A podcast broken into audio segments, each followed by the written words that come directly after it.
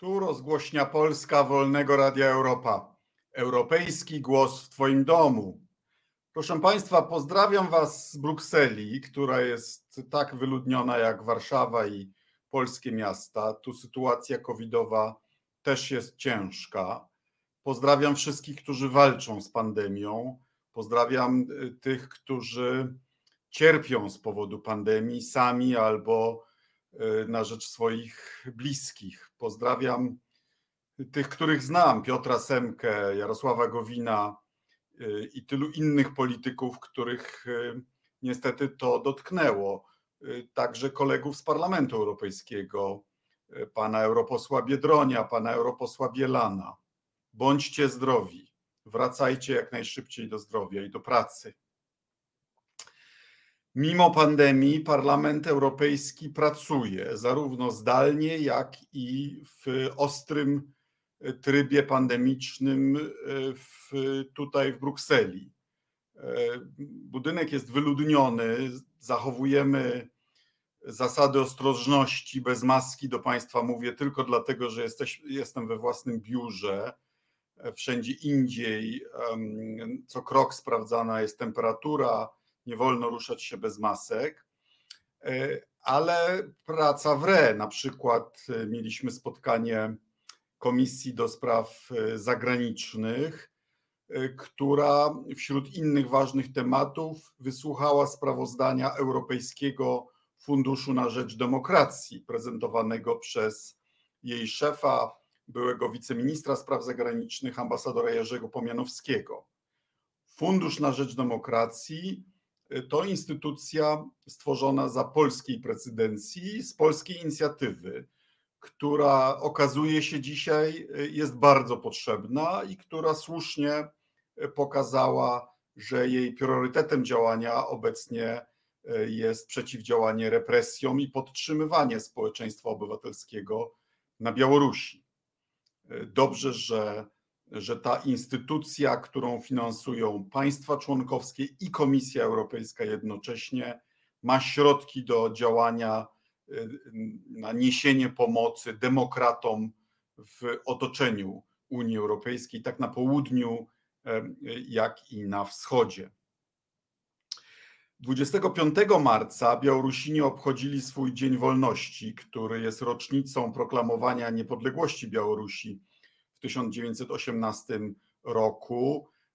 Tu w Parlamencie Europejskim y, także zaznaczyliśmy naszą solidarność z Białorusinami. No ja wdziałem t-shirt z podobieństwem więźnia politycznego, którego adoptowałem symbolicznie, mianowicie pana Siergieja Tichonowskiego, męża Swietłany, y, czyli y, tego y, blogera, który miał być kandydatem na prezydenta, któremu uniemożliwiono rejestrację i aresztowano pod dętymi najpierw administracyjnymi, a potem karnymi zarzutami. I to w jego miejsce pani Swietłana kandydowała na prezydenta i tym prezydentem została. Tyle, że Łukaszenka sfałszował wybory.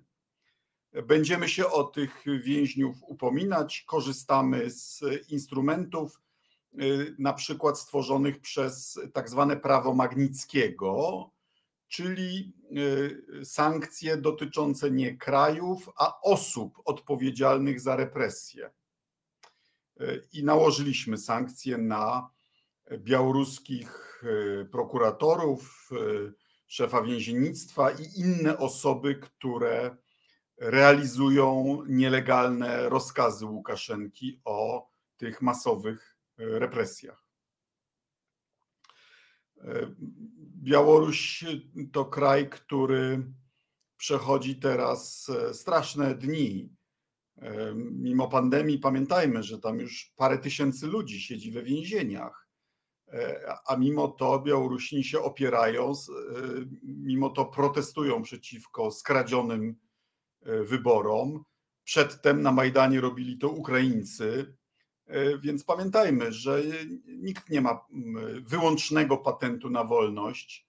Chęć kontrolowania własnego losu to uniwersalne dążenie ludzkości a my jesteśmy zobowiązani do szczególnej solidarności z naszymi pobratymcami i sąsiadami. I w Parlamencie Europejskim Białoruś ma silne wsparcie, chociażby w postaci nagrody Sacharowa, czy w postaci presji na Komisję Europejską, aby białoruskie władze nie mogły nadużywać programu Partnerstwa Wschodniego e, dla swoich niecnych celów. Parlament Europejski stara się wspierać walkę z pandemią i jej konsekwencjami gospodarczymi oraz zawczasu przygotować nas do wyjścia z pandemii, oby jak najszybciej, e, i wyjścia gospodarek z pandemii. Więc zgadzamy się na pilną pracę nad certyfikatem zaszczepienia. Chodzi o to, żeby osoby, zarówno obywatele Unii, jak i obywatele państw trzecich, którzy albo przeszli COVID, albo się zaszczepili, e, mogli uzyskać dokument, który byłby y, respektowany przez władze policyjne, ale także przyjmowany w hotelach, w restauracjach, tak aby te osoby mogły już z tych, z tych usług korzystać, po to, aby y, branża turystyczna i inne branże, które najbardziej ucierpiały podczas wirusa, zaczęły mieć klientów. Wydaje mi się, że to, to bardzo ważne i daje jakąś nadzieję.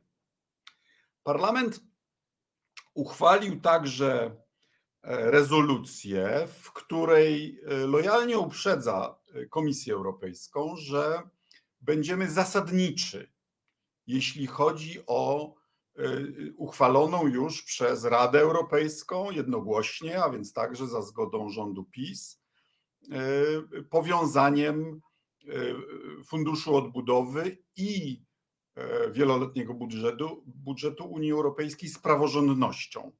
I otóż jako parlament domagamy się, aby komisja uchwaliła zasady tego monitoringu i zasady ewentualnego wstrzymywania środków do 1 czerwca. W przeciwnym wypadku parlament zapowiada coś bez precedensu, mianowicie e, wzięcie komisji do Trybunału Europejskiego.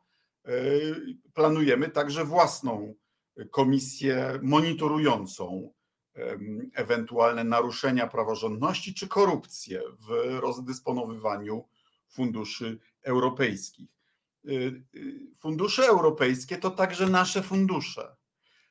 Naruszenia praworządności niestety zdarzają się nie tylko w Polsce, a, na, a w niektórych krajach, jeśli chodzi o rozkradanie lub wydawanie niezgodnie z zasadami, to na przykład Węgry y, robią to z największym rozmachem w Unii Europejskiej i nie możemy tego tolerować. Chcemy także usunąć przeszkodę na drodze do ustanowienia funduszu odbudowy, jaką jest e, sprawa utworzenia zasobów własnych Unii Europejskiej. Nie tyle utworzenia, co ich powiększenia. Dzisiaj zasoby własne Unii Europejskiej to maksimum 1% PKB Unii. Myślę, że warto pamiętać, jak stosunkowo nieduże to środki, bo e, w poszczególnych e, państwach członkowskich zasoby rządowe, ta część produktu krajowego brutto, za którą odpowiada sektor publiczny, to w zależności od kraju między 35 a 45, w porywach do 50% PKB, a w Unii Europejskiej 1%. E, I ma być to zwiększone do 2% po to, żeby Unia Europejska mogła obsłużyć, a kiedyś w perspektywie spłacić ten fundusz odbudowy, na którą cała Europa, y, w tym Polska, tak niecierpliwie czeka do końca roku. Y, bądźmy dorośli. Pieniądze nie, nie rosną na drzewach. Pieniądze, które będą realnie wydawane na cyfryzację, na służbę zdrowia, na transformację energetyczną, skąd się muszą wziąć. I jak je skądś weźmiemy, to wiadomo, że ci, którzy je wyłożą, będą chcieli je kiedyś odzyskać i to z procentem, bardzo niskim procentem, ale jednak. Więc jeśli ktoś chce funduszu odbudowy, no to musi też chcieć zwiększonych funduszy własnych, bo inaczej nie można tych pożyczek na rynkach finansowych zaciągnąć. Komisja Europejska wypłaci państwom członkowskich fundusz odbudowy z pieniędzy zgromadzonych przez emisję obligacji, które kupią wielkie fundusze emerytalne czy inni inwestorzy. No i musi potem y, te, te obligacje obsługiwać. E, I uważam, że to jest podwójna korzyść dla Polski.